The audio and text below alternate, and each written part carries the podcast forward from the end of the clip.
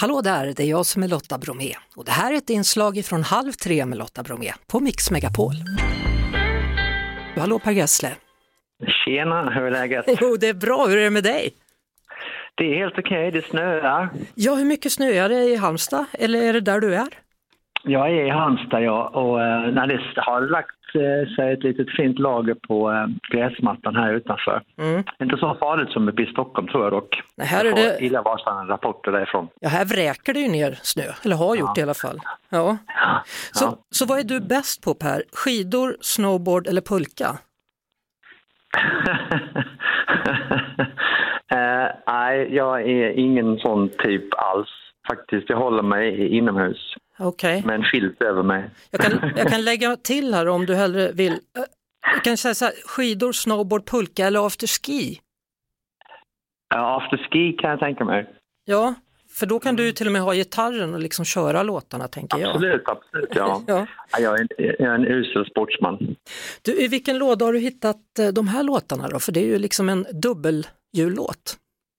Ja, no, nej, jag började med, med en, eh, en ballad, men så tyckte jag att det var lite så här förutsägbart så jag tänkte jag ska försöka skriva någonting lite snabbare. Så, Mm. så jag skrev den här Wish you the best for Christmas i, eh, i somras faktiskt.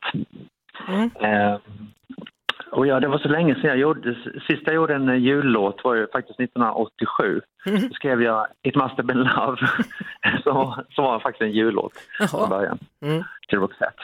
Så jag tänkte det var dags igen. Ja, verkligen. Hur många år sedan blir det då? 87 fram till nu, vad är det? Det blir Ja. något jämnt där på något vis va? Jag vet, jag kan inte räkna heller. Jag kan inte idrotta, jag kan inte räkna. 35 år, det är första jullåten du har skrivit på 35 år. Exakt. Ja, men nu Mm. precis. blev det jultext på den här då. Ja, det blir faktiskt så. Ja, du, vad är det som gör att en jullåt är en jullåt?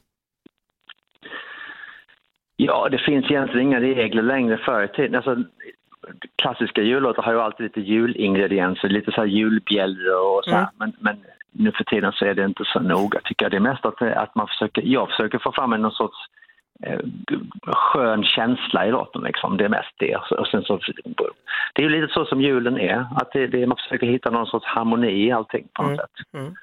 Det är inte så lätt jämt, men eh, det, är- det, är lite, det är lite så jag tänker i alla fall.